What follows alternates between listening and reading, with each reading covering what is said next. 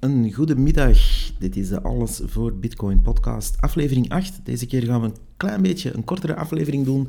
Geen geschiedenisles deze keer, dat is voor uh, misschien een volgende aflevering. En vandaag uh, zitten we op bloknummer, of nu zitten we op bloknummer 732.686. En uh, de prijs van Bitcoin in euro is 38.380. In US dollar is dat 41.660. En dat is uh, goed voor een 8343 Big Macs in de Big Mac Index. Dat is een theoretische waarde uiteraard, waarmee we een beetje ja, de inflatie en de loonkost en alles uh, bij elkaar rekenen. Als je niet weet wat de Big Mac Index is, uh, zeker eens opzoeken, want dat is eigenlijk wel vrij interessant. Vandaag gaan we een paar nieuwtjes eerst overlopen en dan gaan we het hebben over uh, ja, een, hele kleine, een hele klein stuk geschiedenisles gekoppeld met uh, wat we zien gebeuren in Europa momenteel. Uh, we beginnen met Australië en die krijgen een spot ETF, zoals men dat noemt. dat is dus eigenlijk ja, naar voorbeeld van uh, de vele ETF's die we ondertussen al hebben in uh, Europa. Uh, ik denk dat de grootste momenteel van EC is met de, hun Bitcoin Spot ETF. Dat betekent eigenlijk dat ze wel degelijk ook Bitcoin gaan kopen daarmee en gaan traden tegen de spotprijs op de markt. dat het daarmee eigenlijk fluctueert. Um, Cosmos Asset Management is, de, is het bedrijf hierachter. Die gaan een... Um, uh, die gaan eigenlijk niet zelf direct bitcoin kopen, blijkt nu in die ETF, maar wel uh, de ETF zelf oprichten en investeren in uh, stok van Purpose Investment, ofwel BTCC, die op hun beurt wel degelijk bitcoin kopen om hun ETF te onderbouwen. Uh, dat is een beetje een uh, ingewikkelde of andere constructie, maar uh, ja, het effect is hetzelfde. Dat zal meedobberen op de prijs. En dus de mensen in Australië kunnen ja, vanuit hun, laten zeggen, open gevangenis toch nog bitcoin kopen. Dus dat is heel tof. als ze daar ondertussen al terug buiten mogen. Ik weet het niet. Maar... Um, ja, de enige die dus na Europa en Australië nog achterop hinken in die spot-ETF's, dat is eigenlijk de Verenigde Staten. Die hebben nog steeds geen goedkeuring gekregen vanwege de Security and Exchange Commission om een spot ETF te lanceren. Dat is iets waar bitcoiners al heel lang op zitten wachten, omdat dat ja, een beetje een eikpunt zal worden en ook natuurlijk een grote vraag zal kunnen gaan beginnen beantwoorden. Want er zijn wel om en bij, afhankelijk van welke cijfers je, je gelooft, rond de 40 tot 60 procent van de klanten van grote investeringsbanken zeggen uh, dat ze wel degelijk uh, via die weg bitcoin zouden willen kopen. En ook uh, bepaalde, bepaalde bedrijven natuurlijk, bepaalde fondsen mogen vanuit de wet niet rechtstreeks bitcoin kopen zelf en gaan dan bijvoorbeeld ja, via een andere weg, bijvoorbeeld door MicroStrategy of andere bedrijven te gaan hun aandelen kopen, om dat een beetje als equivalent te gebruiken voor die bitcoin-investering. Een bitcoin spot ETF in de Verenigde Staten zou dit natuurlijk oplossen. En dat brengt ons bij het volgende onderwerp. Uh, dat uh, BlackRock, die, uh, dat is een, ja, een van de grootste ETF-makers, zal ik maar zeggen, of ETF-bedrijven, die hebben al een aantal keer, samen met alle anderen die dat hebben geprobeerd, natuurlijk zo'n spot-ETF op te richten en te laten goedkeuren. En dat stelletjes ja, even snel weer afgekaatst, omdat daar die, uh, die SEC-organisatie dat meteen afkeurt. Meestal gaat het dan over het feit dat ze Bitcoin te volatiel vinden om daar hun uh, fiat over te geven. Ja, soms zijn er ook andere excuses of is er iets niet in orde met de filing of waar dan ook. En BlackRock was dat blijkbaar ja, meer dan beu na zoveel jaar. En die hebben nu gezegd van kijk, als het voor 1 juli 2022 niet goedgekeurd wordt, onze aanvraag tot zo'n uh, Bitcoin-ETF, dan, uh, dan gaan wij naar de rechtbank en dan gaan wij dat uh, op die manier proberen af te dwingen. Um, zien hoe dat afloopt. Daar is al een paar keer mee gedreigd geweest. In hun recentste poging om zo'n ETF op te richten is ook fout gelopen. En vandaar, we volgen dat natuurlijk op, want dat kan wel eens zeer interessant worden. Ander nieuwtje, de grote exchange Kraken of Kraken, is uh, nu eigenlijk uh, de zesde grootste ja, Lightning-netwerknode aan het runnen. En dat is wel heel mooi om te zien. Ik vind het ook echt prachtig van hen dat ze dat ding dezelfde dag hebben gelanceerd, 1 april 2022. Dezelfde dag dan die desastreuze anti-privacy en anti-vrijheid vote die er in Europa is gebeurd. En uh, waar natuurlijk de communisten en de passiefgroenen en de, de ja, nationalisten of ja, zelfs een paar fascisten mooi hebben meegestemd met allemaal dezelfde voorstellen om onze privacy en onze vrijheid af te nemen. Dan weten we ook weer waar al die hun prioriteiten liggen. Met dank daarvoor, we zullen dat zeker onthouden. Ooit komt er eens een dag dat daar uh, weer werk op komt, denk ik. al dan niet in het stemhokje. We zien wel waar dat gebeurt en hoe. Maar uh, die mensen dus uh, van Kraken hebben die uh, Lightning-node online gezet, die datum. En die datum gaan we nog lang onthouden, denk ik. En ondertussen is die Lightning-node wel heel goed bezig. Uh, blijft groeien. Als we die statistieken, en die kan je live opvolgen, ik zal daar een linkje voor uh, in de show notes zetten, uh, daar kan je eigenlijk mooi op zien dat die groei heel gestaag verder gaat en dat ze ondertussen goed zijn voor meer dan 2500 bitcoin in Lightning-transacties, wat toch wel mooi is ondertussen. Nog iets anders dat ik even wil aanhalen is een service die ja, niet iedereen kent uh, binnen de Bitcoin-wereld en die misschien toch eens de moeite is om uit te leggen. Uh, overlaatst had ik ook zo iemand uh, die me contacteerde uit de familie en die, die wist niet dat dat bestond, ten eerste, maar die dachten ook dat dat enkel maar voor Amerikaanse consumers was. En dat is bitrefill.com. Dat is B-I-T-R-E-F-I-L-L. En uh, Bitrefill uh, is eigenlijk oorspronkelijk uh, bedoeld om jouw telefoon op te laden met credit via Bitcoin, maar dat is ondertussen veel, veel, veel meer. Um, en daar kan je eigenlijk in het kort gezegd vouchers of cadeaubonnen gaan kopen voor allerlei zaken. Ja, wanneer je daar België aanklikt, dan zie je daar een aantal zaken. Deliveroo, Ikea, Coolblue, Bol en uh, nog een hele reeks andere, die daar eigenlijk, uh, zolang de voorraad strekt, natuurlijk uh, vouchers aanbieden en bonnen aanbieden. Dus heel concreet, wanneer je zegt van ga, ik ga hier betalen met Bitcoin of Ethereum of andere dingen die je wil gebruiken. Maar ze ondersteunen ook Lightning. Dus je kan wel degelijk met Lightning betalen en dan zeg je bijvoorbeeld ik koop een bon van x euro voor het bedrijf naar keuze. En op die manier uh, krijg je dat elektronisch aangeleverd, die bon, en kan je die, zoals je die gewoon zou hebben gekocht, rechtstreeks bij die firma, uh, met een kleine uptick, want natuurlijk moet daar iemand uh, ook de moeite in steken, krijg je daar eigenlijk een kleine markup. Soms is dat 1%, soms dat 4%, soms dat 2%. In ieder geval, er zit een percentage meerwaarde in dat je daar betaalt. Uh, maar het voordeel is natuurlijk dat je gewoon in uh, bitcoin kan betalen of in een andere munt die jij wil gebruiken. En op die manier kan je vouchers kopen. ja, dat is heel handig en daarmee kan je ook weg. Maar vele mensen dachten dus dat dat enkel voor Amerikaanse klanten was van die service. Dat was misschien het begin zo, maar dat is ondertussen niet meer het geval. En vooral, ja, het gaat snel en het is heel goedkoop, want je kan daar uh, met Lightning betalen. Dus uh, dat moeten we toch even in de verf zetten. En dan wil ik heel even iets toelichten over wat er aan de hand is onder andere ja, in heel Europa eigenlijk, maar meer bepaald in uh, Italië nu. Italië, er is een stad Bologna die nu de Smart Citizen Wallet gaat invoeren. Uh, ze zijn daar blijkbaar heel trots op. En die, dat smart burger profiel of wallet of ID of hoe je het ook wil gaan noemen, ze, zal, ze zullen er altijd een andere naam voor brengen.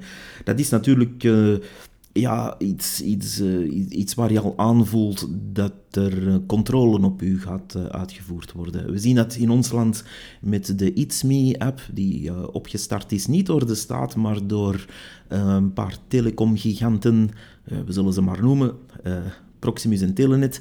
En uh, de banken, ja, noem ze maar op, al onze grootbanken zitten daar mee in en mee tussen. En die, uh, die ITSMI wordt uh, ook zogezegd op vrijwillige basis hier onder onze neus geschoven. Maar we weten ondertussen dat dat vrijwillig een beetje tussen aanhalingstekens mag geplaatst worden.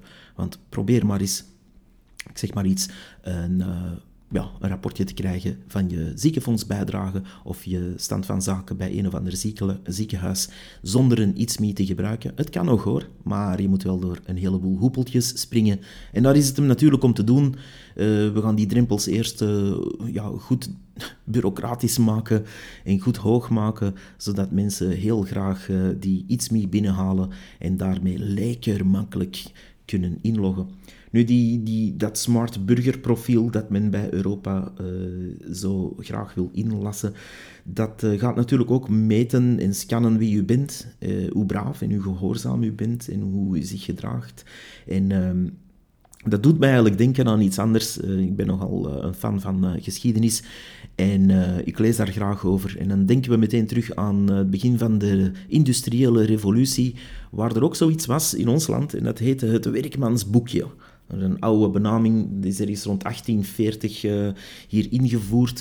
En dat was letterlijk een boekje waarmee de naam en de gegevens van een werkmens uh, ingeschreven stond, uh, met een fotootje erbij. En dat moest je bij het begin van de indiensttreding, bij een of andere fabriek meestal, afgeven. En dan kon men daar uw gedrag en uw doen en laten in opschrijven. Dus uh, de, de baas kon daar dan letterlijk inschrijven van ah, uh, deze meneer die, uh, die is soms te laat, of deze meneer drinkt te veel, of deze meneer zeurt te hard wanneer ik zijn loon naar beneden trek. Dus uh, dat soort zaken werd daar allemaal in opgeschreven. En uh, ja, nadat je uit dienst ging of buiten gegooid werd, dan uh, kreeg jij al dan niet dat boekje terug. Soms niet, soms wel. hing er ook vanaf of ze daar zin in hadden of niet. En dan, dan mocht je daarmee gaan solliciteren. En natuurlijk, ja, die volgende werknemer, volgende werkgever, die ging natuurlijk meteen dat boekje opvragen om te zien hoe braaf en hoe gehoorzaam u was. Uh, in effect uh, ja, maakte men iedereen daar slaaf, omdat je natuurlijk nooit kon zeggen wat je dacht ergens, of nooit openlijk je mening kon uiten, uh, met natuurlijk ja, het, het, het, het, risico te lopen dat er allerlei naars werd opgeschreven in zulk werkmansboekje. Nu, dat was in 1840 en dat is eigenlijk terug grotendeels afgeschaft einde 1880. Allee, eigenlijk 1883 moest het niet meer, maar werd het nog de facto gebruikt, maar dan is het gestaagd tegen 1890 was dat weg. Maar die, uh, dat, dat systeem eigenlijk zien we nu eigenlijk terug opduiken. Natuurlijk in een andere tijdframe. We zitten ondertussen in een digitale wereld. We zitten ook in een wereld waar de baas van één fabriek bijvoorbeeld niet alles voor het zeggen heeft, maar toch veel. En we zien daar ook vooral een, eh, een, terugkeer in de tijd naar iets waar je ja, een totale ondergeschikte burger wordt. Die, uh, ja, die wordt gescand. Hè. Onze vingers, uh, onze, onze vingerafdrukken worden gescand. Onze biometrische gegevens, dat komt er zeker ook aan. Waar men misschien wel bloed zal trekken om eens te zien wat er daar allemaal in zit. En onze iris-scannen, dat komt er ook aan. er zijn natuurlijk kwaadtongen die ook beweren dat men daar ook het een en ander meer kan aanzien dan dat men officieel toegeeft. Uh, daar laat ik nog even in het midden. Uh, maar uh, ja, die biometrische gegevens afgeven heeft natuurlijk ook veiligheidsrisico's. Waar wordt dat allemaal opgeslagen? Die discussie over de vingerafdruk is bekend. Hoewel dat daar weinig echt publiek debat is rond geweest hier in onze politiek. Maar goed, dat wordt dus bewaard. En men gaat dat nu, en als we de ECB hun hun uh, documentatie daarover lezen. Men gaat dat nu dus koppelen aan zo'n Smart Citizen Wallet, de European Smart Citizen Wallet. En dat klinkt al heel raar en dat zal het ook zijn, want uh, ja, we zien van verre waar dat naartoe gaat, uiteraard, dat je eigenlijk een soort van nieuw werkmansboekje gaat krijgen, maar dan niet alleen geënt op uh, hoe, hoe goed u een fabriek of een werkgever gaat dienen, maar vooral hoe goed u Europa of welke entiteit dan ook gaat dienen. Want ja, um, dat is natuurlijk een soort van identificatiesysteem waarbij men uiteindelijk een zogenaamde carrot-and-stick aanpak gaat, uh, doen, in, waarbij je makkelijk eh, kan gaan inloggen aan de ene kant op uh, allerlei administraties, want dat is natuurlijk wel tof. Uh, je, je, je, kan snel inloggen. En hier en daar krijg je dus ook beloningen. Dus dat is dan het worteltje dat voor het ezeltje wordt gehouden om toch een stapje vooruit te zetten. En die beloningen zijn natuurlijk ja, kortingen hier of daar of een paar punten die je kan sparen in een puntensysteem, om dan bijvoorbeeld, ik zeg maar iets, korting te krijgen op de aankoop van ja, waarschijnlijk bieten om in uw hof te planten of zo. Ik weet het niet. Uh, ik weet niet wat ze er allemaal mee van plan zijn uh, qua, qua groene maatregelen of nepgroene maatregelen. Want uh, ja, dat is eigenlijk vrij storend, want als je dan hoort um, hoe men dat wil gaan, gaan, gaan inlassen, dan, dan, ja, dan zien we toch een heel aantal rare dingen opduiken. Bijvoorbeeld... Um, ik quote hier uit hun eigen documentatie. Uh, the adoption of an electric wallet could generate as much as 9.6 billion in benefits for the EU and create as many as 27,000 jobs over a five-year period.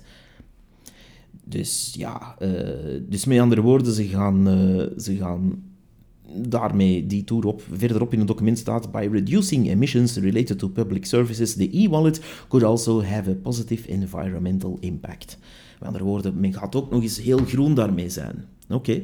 Nu, uh, dus oudbollige diensten die uh, nog stempeltjes zetten en mapjes van hier naar daar moeten dragen en klasseurs bijhouden over iedereen, uh, die ga je dus eigenlijk afbouwen. Ja, dat is logisch, dat vind ik wel tof. Um, en vervangen door zo'n smart wallet systeem. Nu, meestal gaat het dan niet één op één, in die zin dat je, ja, wanneer je tussen wal en schip valt bij zo'n laat ons zeggen, in hokjes geduwde um, agile aanpak, uh, ja, dan ga je daar ook hiaten krijgen. Maar goed, uh, zo'n wallet wordt dan ingevoerd en dan zeggen ze daar doodleuk bij dat dat 27.000 jobs gaat opleveren. Uh, Oké, dus ga je dan die ambtenaren die ervoor een stempeltje op een papiertje zetten en dat dan doorfaxen naar elkaar, wat ga je daarmee doen? Um, misschien kunnen die gewoon heel de dag ja, ik weet niet, in een groot uh, gebouw of in een kantoor op een home trainer trappen om elektriciteit op te wekken of zo. Misschien uh, verzinnen ze daar nog wel leuke dingen mee die nuttiger zijn dan uh, stempeltjes op een papier zetten. Maar ja, dus in Bologna, waar we ons verhaal begonnen in Italië, um, ja, dat, dat, ligt in Italië, Bologna. Om toch ook voor de laatste nieuwslezers zo gaat hè, bij DPG Media. In Rome, dat ligt in Italië. Uh, maar uh, men gaat daar dus Rome mee achterna, uh, waar zo'n digital smart wallet ding voor hun citizens al is ingevoerd. En waar ze dus al effecten zien, waar mensen gaan sparen voor een aantal zaken en waar, ehm, waar diezelfde retoriek wordt toegepast trouwens. Ik lees ook uit die hun documentatie even. Um, In the home of the wallet service, each citizen, for access after the first, will also be able to view the point balance, the details of transactions, the partners who join the initiative, the detailed catalog of the rewards, and the summary and the redemption screen of the rewards. Oké. Uh, met andere woorden, je krijgt daar uh, beloningjes in punten. En dat doet u vooral niet denken aan een Black Mirror-episode natuurlijk. Um, ja, het komt er dus allemaal aan, hè, wat we voorspelden. Uh, Zo'n wallet voor elke uh, eh, EU-burger, zeker wanneer je dus, en dat voorspel ik nu al, wanneer je een of andere uitkering krijgt, uh, een ziekteuitkering, werkloosheidsuitkering of wat dan ook, of subsidies, bijvoorbeeld een KMO die subsidies krijgt, je zal daar dus aanhangen om zo'n uh, zo'n Sovjet Gosbank Smart App in uw zak mee te dragen en op die manier een kruising te krijgen tussen ITSME en de centrale bank van de Sovjet-Unie. Dus um, ja, uh, wanneer u dat wil, wanneer u daar fan van bent, zou ik zeggen, blijven stemmen. Blijven stemmen op de mensen die nu aan de macht zijn. Blijven stemmen op de, de, de mensen die geloven dat je de planeet kan redden door 200 megabyte eh, oude mails te deleten, blijven stemmen op de mensen die ook geen problemen hebben met nieuwe plasticfabrieken, cruiseschepen of schaliegaskrakers. Uh, dat is allemaal hetzelfde publiek trouwens. Dus wanneer je door die, die nieuwsitems scrolt, uh, dan, dan ja, reizen je haren ten berge van de idiotie die je leest. Meestal van mensen die ergens achter een bureau zitten in Brussel en blijkbaar nog nooit zijn buitengekomen. Um, de realiteit is echter uh, helemaal anders. Ik ben uh, de voorbije week in een aantal zaken geweest die uh, het water aan de lippen staat, om het zacht uit te drukken, en die daar met cashgeld proberen zich te redden. Um, probeer maar eens aan die burgers uit te leggen dat ze een appje moeten downloaden en dat alles dik in orde komt. Veel chance daarmee. Uh, er is heel veel documentatie over wat de ECB nu van plan is. Um, ik ga proberen een aantal links daar bij elkaar te bundelen en dat uh, ook mee te geven. Uh, ofwel op de Twitter-account ofwel bij de volgende aflevering. In ieder geval, hou uw ogen open, want het komt er allemaal aan. Hè. Dus die, die ECB-digitale euro die er aankomt tegen juli 2023 en natuurlijk, wij als bitcoiners moeten ons daar ook tegen beginnen uh, wapenen en uh, daarop voorzien zijn, want uh, bitcoin zal alleen maar in waarde stijgen in een wereld waarin ja, alles één grote witte Sovjetkassa wordt. Um, en waar je vooral zal afgemeten worden aan wat je dit geld, of eigenlijk is het ook geen geld meer, als je het niet kan omruilen voor wat je maar wil. Uh, of ik nu een pot Nutella koop of uh, een spaarlamp, men heeft daar uiteindelijk geen zaken mee. Um, een pot Nutella is niet gezond, by the way, met uh, doodpanda's. En dat, dat, is ook effectief iets dat ik zelf uit mijn eigen keuze niet koop, om, om de reden dat het gewoonweg te ongezond is en te natuurbelastend. Maar dat is mijn keuze als individu. En als u als luisteraar zegt, wel, ik lust graag Nutella en ik koop daar een grote vette pot van 5 kilo van, en wel, dat mag u. Tenzij dat de staat zou zeggen, wel, die producten zijn te giftig of te erg, we gaan die niet meer verkopen. En dan mag dat niet meer verkocht worden. Dat is iets anders. Maar uh, je moet ook een beetje zien, het, uh, het precedent dat hier wordt geschapen is dat eigenlijk geld een controlemiddel gaat worden, waarmee het een conditie krijgt, waarmee je eigenlijk toelating moet gaan smeken of vragen of krijgen uh, om iets te mogen doen. En dat is een beetje fout, vind ik. In die zin, je kan mensen wel degelijk informeren dat er iets bepaald niet, uh, niet kosher is qua milieubelastendheid of zo. Dat is geen probleem, informeer mensen. Uh, maar je gaat toch niet hun verdiensten en hun geld en hun waarde gaan aantasten om dan te beweren dat dat allemaal ja, voor het grotere doel is. Terwijl je ja, de ergste vervuilers gewoon nog subsidie geeft van datzelfde geld erbovenop. En dat vind ik absoluut niet te rijmen. En dat vind ik ook dat daar in de media super weinig tot geen aandacht voor is. Uh, ik ken weinig bitcoiners die niet uh, ook met het milieu inzitten. We worden altijd in het verdomhoekje geduwd van ah, we zijn allemaal vervuilers en bitcoin mining vervuilt en doe maar op. Dat, dat is gewoon niet oké.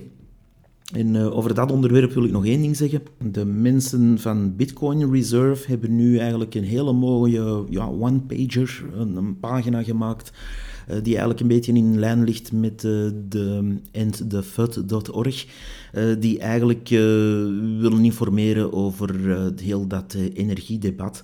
En je kan dat vinden onder hashtag not on my node. En ja, ik heb dat ook geretweet, dus wie mij volgt op Twitter, uh, dat is @avbpodcast. Uh, dat staat voor alles voor Bitcoin Podcast, dus AVB Podcast op Twitter. Volg ons alsjeblieft. We willen alvast uh, in, de, in de eerste, laten we zeggen, weken makkelijk tot 200 volgers geraken voor niet alleen deze podcast, maar ook dat Twitter-account. Um, dat doen we vooral omdat we onze stem willen laten gehoord worden. Omdat er gewoon in de Belgische media nauwelijks pro-Bitcoin stemmen mogen gehoord worden, blijkbaar. En uh, daar willen wij echt verandering aan brengen. Steun ons, retweet ons, uh, abonneer vooral. En uh, ja, volg ons op Twitter, zodat die nummers ook wat omhoog gaan. Momenteel zitten we rond de 30 volgers. Dat is echt niet genoeg, mensen. Kom aan. dat kan beter. Dus die Not On My Note is een heel goed initiatief op dat punt. Um, we zullen zien uh, hoeveel mensen dat, dat nog uh, ja, willen lezen. Want ja, we zijn al een paar jaar platgeslagen in de media met allerlei doemverhaaltjes. Um, dat, is misschien, uh, dat is misschien wel eens tijd om daar ook wat aan te doen qua marketing. nog één ding dat ik wil meegeven als tip. Ik ben nogal fan, ondanks dat ze soms wat bitcoin-kritiek geven, of kritiek op bitcoin geven, maar dat mag natuurlijk. ik ben nogal fan van de nieuwsletter Doomberg. En die hadden uh, deze week een hele mooie, een hele mooie reeks uh, over de rivieren in Amerika en hoe die kunnen gebruikt worden in de energietransitie. dat was een zeer goed stuk. Maar ze, hebben ook, ze zijn ook te gast geweest op een andere podcast die ik volg. En dat is de Hidden Forces podcast. En die van deze week over de food shortages, dus de voedseltekorten en de, ja, de Europese situatie vooral is een absolute eh, must-listen. Dus ik zou zeggen, abonneer u op Hidden Forces. En dat is een uh, prachtige podcast die al jaren de beste interviews brengt. En een van de mensen van Doomberg was daar te gast. Wel met een voice processor, want net zoals zoveel anderen wensen deze mensen hun goede werk uh, anoniem te doen, want dat moet blijkbaar tegenwoordig om nog journalistiek werk te mogen en kunnen blijven doen. Uh, dus ga daar zeker naar luisteren. Het is een, uh, een podcast die absoluut de moeite is. Ik zet ook daar een link van in de show notes, zodat je daar een beetje je weg in kan vinden. In ieder geval, dit was aflevering 8 van Alles voor Bitcoin. Uh, we hebben nog één iemand die we heel even aan het woord willen laten. Uh, meneer, uh, wat denkt u over de Smart Citizen Wallet en de digitale euro? Ik zal eerlijk zeggen, hè, als het maar wou, ik schat dat allemaal af. Oké, okay, dat, dat kan ik beamen. In ieder geval, dit was aflevering 8 en ik zou zeggen tot volgende keer. Ik probeer een, um, een vast schedule uit te bouwen, een vaste timeframe uh, vast te zetten voor deze podcast. Maar voorlopig is het gewoon ad hoc wanneer het uh, gaat, wanneer ik tijd heb. En wanneer er natuurlijk genoeg is om over te praten. Um, maar dat zou ongeveer om de vier, vijf dagen toch zeker moeten lukken. Tot volgende keer. En nog niet vergeten, hoi, bijna vergeten. Er is een Bitcoin Meetup in Antwerpen. Dat is de 21ste van de maand elke keer. En het nummer 21 zou u iets moeten zeggen als bitcoiner. Uh, de 21ste van de maand, en uh, u kan hen volgen, Bitco de Belgian Bitcoin Embassy, zoek ze zeker op op Twitter. Dat is natuurlijk, dat is natuurlijk goed volk die ook hun ding doen over bitcoin en daar de nodige promotie rond doen. En zij hebben een maandelijkse meet-up. En ik zou zeggen, ga daar zeker eens kijken. Dat is altijd fun. Tot volgende keer. Bye bye.